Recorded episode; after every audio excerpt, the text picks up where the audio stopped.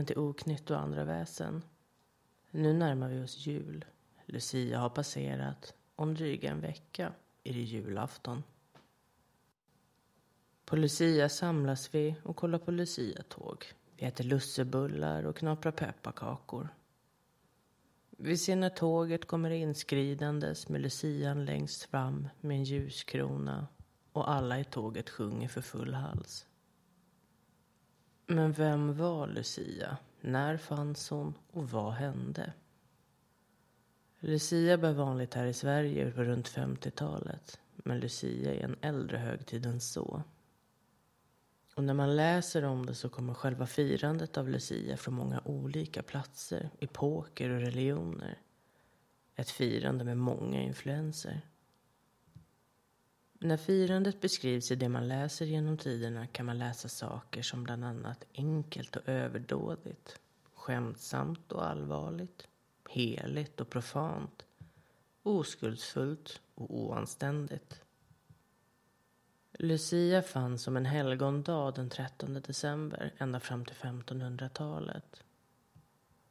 Och förr i tiden så ansåg man att den natten, lucianatten, som var årets längsta, var den med mest övernaturliga väsen och faror som lurade.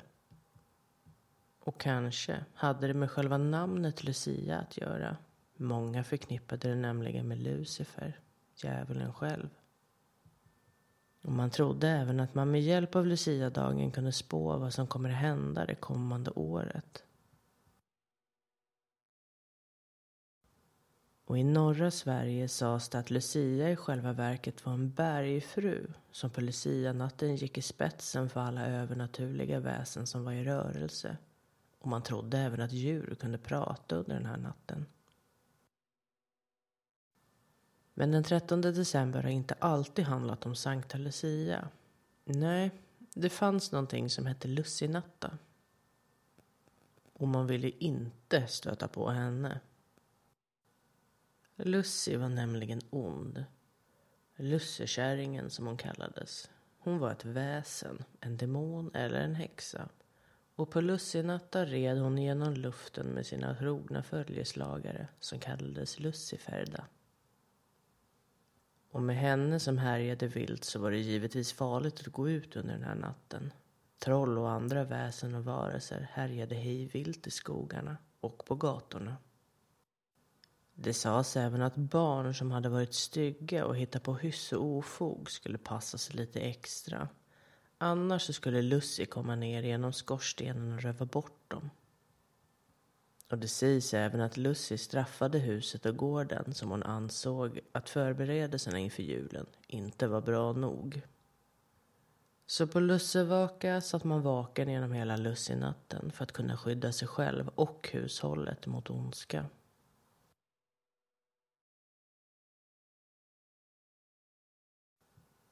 Seder och traditioner kommer från många olika saker.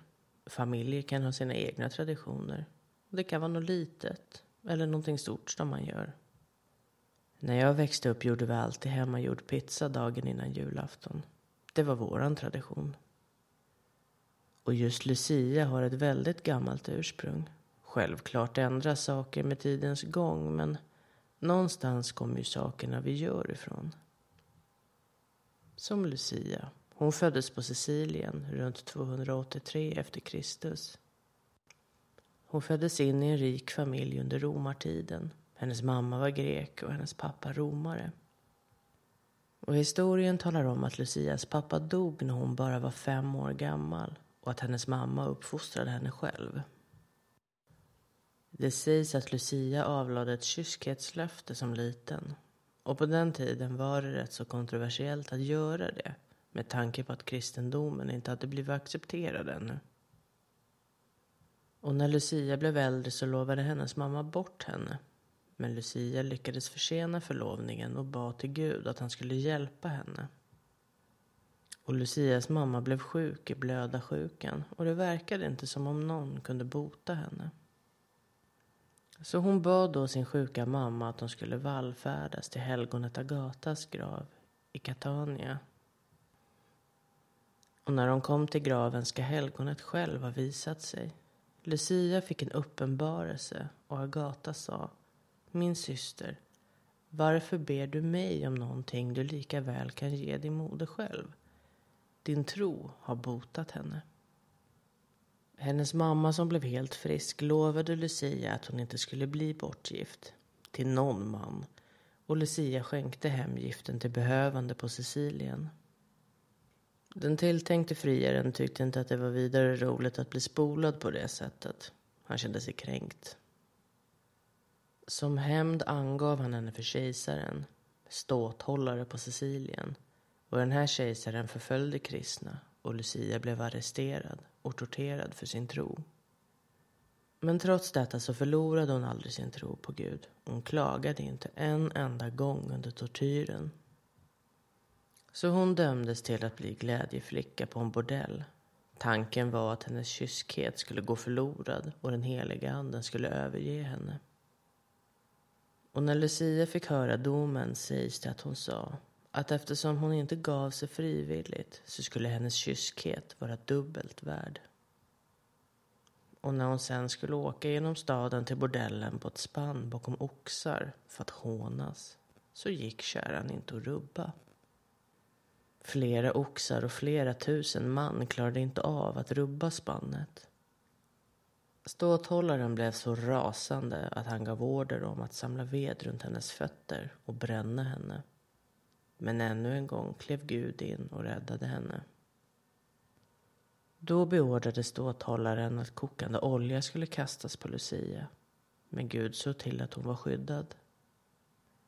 Så mycket arg dömde ståthållaren henne till döden och bödlarna högg henne i halsen med ett svärd. Men Lucia dog inte direkt av det heller. En präst hann hinna komma och ge henne sakramentet. Efter det dog hon. Så det var alltså Sankta Lucia, en jungfru som kämpar för sin kyskhet, blir helgonförklarad och får beskydd innan hon släpps in i himmelriket. Och det finns även reliker efter Lucia. I Neapel så fanns det reliker av henne, bland annat hennes ögon.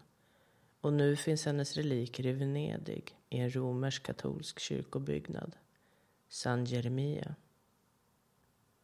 Och alla är ju inte inne på det här med reliker.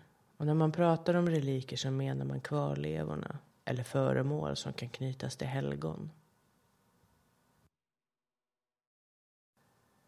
Så hur mycket av våra Lucia-traditioner kommer ifrån ursprungsberättelsen? Är det henne vi tänker på när vi står i kyrkan eller i en gympasal och ser lucian längst fram i tåget med pepparkaksgubbar och stjärngossar bakom henne.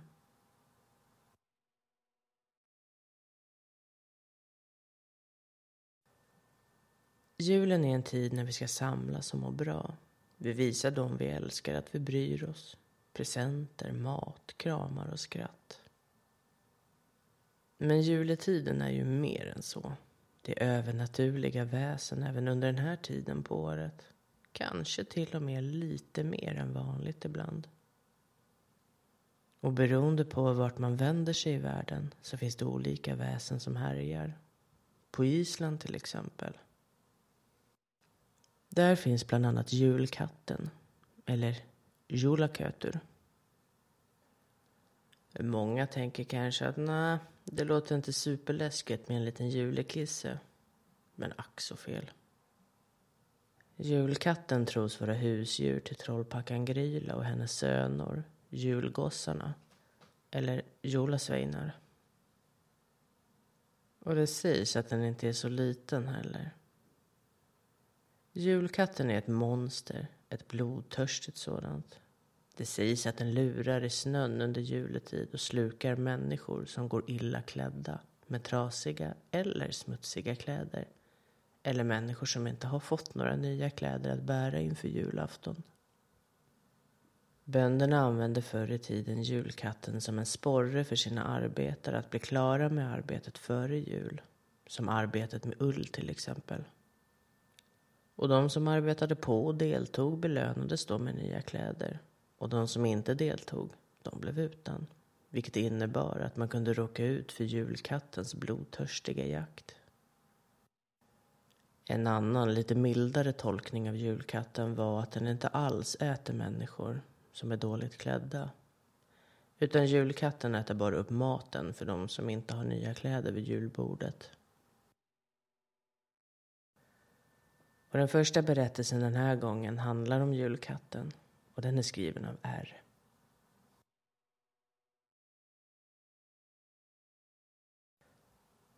Jag satt där ensam och nedkyld i min lilla lägenhet i Reykjavik. Klädd i smutsiga, trasiga kläder som knappt skyddade mig från vinterkylan. Omgiven av mörker som fördjupade min redan tunga ensamhet. Rädslan som en kylig skugga tryckte på mig som ett tungt täcke. Det var kvällen före julafton och en krypande oro hade smugit sig in i mitt sinne. Lokala berättelser om julkatten, en varelse som påstods härja under julnatten, skapade en nervös atmosfär. Jag kände mig instängd i en spiral av oro och den känslan intensifierades när svaga, konstiga ljud hördes utifrån.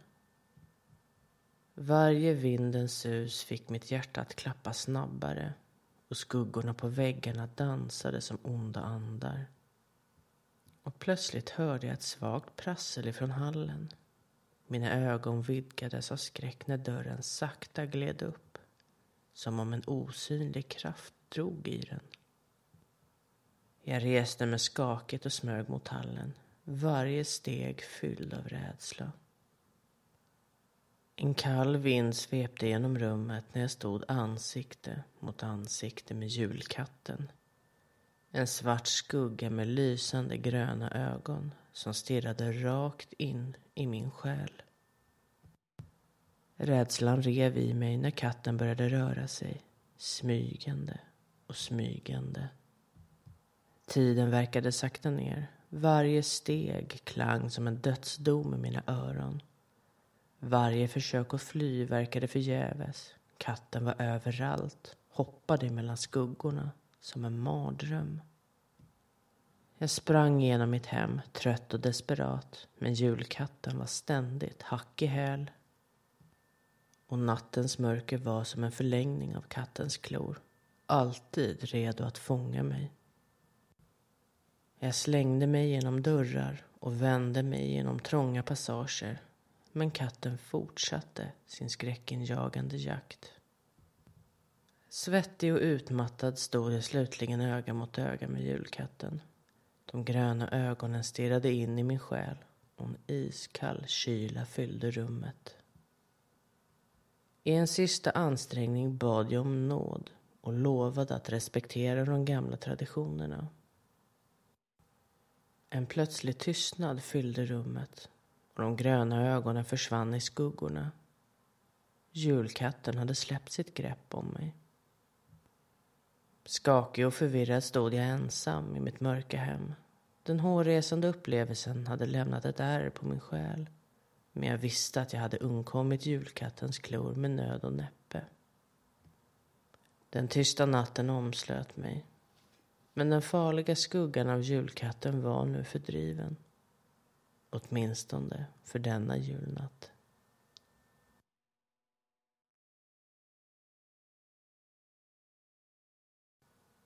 Tackar för din historia.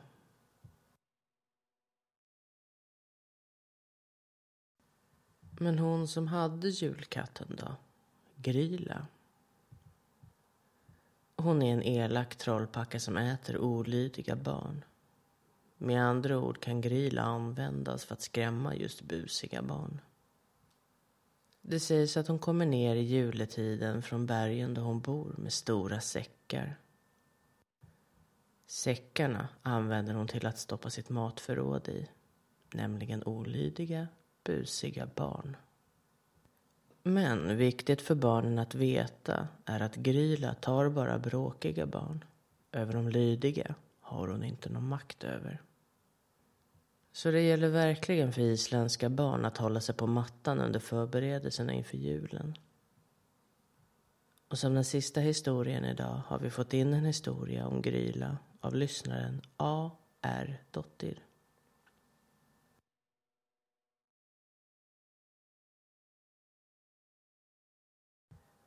Min mamma är isländska. Hon växte upp där och hela vår släkt på hennes sida bor kvar där. Vi åker dit på semestrar och högtider så ofta vi bara kan. Mamma säger att en isländska kan lämna ön men en bit av själen stannar kvar där hemma. Mamma lämnade Island för kärleken, min pappa. Han är född norrman men flyttade till Sverige i vuxen ålder. Så jag och mina syskon pratar norska, svenska och isländska. Och till historien hör den att min morfar är nog den snällaste människa jag någonsin har mött. Det finns inte ett ont ben i kroppen på honom. Han hjälper alla han möter på det bästa sättet han kan. Han är en sån människa som utstrålar lugn. När han kommer in i ett rum så kommer han med värme. Så min morfar är värme och glädje. Och de bor strax utanför Akureyri, där har mammas familj alltid bott. Och sist vi var hemma hos mormor och morfar så berättade mamma en händelse som hände min morfar när han var liten. Och hon började med att berätta lite om sig själv. Mamma var runt 15 år när hennes farmor ville berätta någonting för henne. Och när mamma var tonåring var hon väldigt stökig. Tydligen väldigt stökig. Ingenting mormor och morfar sa eller gjorde kunde ändra på mammas stökiga sida. Så gammelfarmor satte sig ner och berättade. När morfar var en ung pojk i sina 15 år så var han precis som mamma. Stökig, bråkade och ställde till med ofog. Han bråkade med sina syskon och det var inte ovanligt att någonting gick sönder. Det gick så långt att de började fundera på att skicka iväg morfar till en gård. Hårt arbete, disciplin och lite stryk när han var uppkäftig kanske skulle få honom att skärpa sig. Men december det året han hade fyllt 15 så försvann morfar. Han gick ut och kom inte tillbaka. Man letade och letade.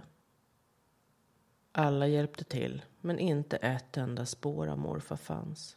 Dagarna gick och blev till veckor Julen han passera och nyår också. Och morfar var fortfarande borta. Efter fem veckor kom han hem. Ett par hittade honom nära fjället. Han var mager och smutsig och hade sår, både nya och gamla, över kroppen. Och morfar sa inte ett enda ord. När hans föräldrar undrade var han hade varit sa han inte ett ord. När de undrade vem som hade tagit honom sa han inte ett ord. Inte ens när de upptäckte bitmärkena på hans axlar sa han inte ett ord. Han pratade inte på flera veckor och någonting var annorlunda med honom. Han har sedan den dagen han kom tillbaka inte bråkat, inte varit stökig. Det var som om någon eller något hade blåst bort rebellen i honom. Mamma berättade att hennes farmor hade berättat att morfar alltid bär långa tröjor för att dölja bitmärkena på axlarna och överarmarna. Hon berättade även att morfar drömde mycket mardrömmar efter att han kom tillbaka. Hon kunde sitta inne hos honom i timmar och torka svetten ur hans panna medan han drömde och i drömmen bad han om nåd han skrek förlåt, förlåt, jag ska vara snäll. Gör mig inte illa, Gryla. Gammelfarmor var fast i sin tro att morfars stökighet hade lockat trollpackan Gryla ner från berget och tagit honom. Men hon hade istället för att äta upp honom, som sägnerna säger, så hade hon låst in honom och torterat honom. Och när han hade blivit snäll och lydig så kunde han helt enkelt promenera ut ur hennes håla och hem. För över snälla barn så har Gryla ingen makt.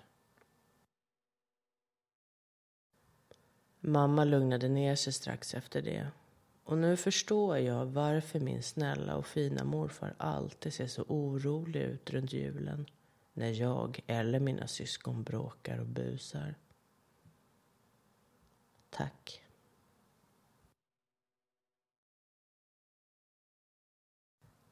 Tack, A.R. Dottir. Med det sagt så säger vi hej då för den här gången. Snart är det dags att tända det tredje ljuset i adventsstaken. Glöm inte bort att pynta ordentligt och ha på er hela och rena kläder. Tills nästa gång.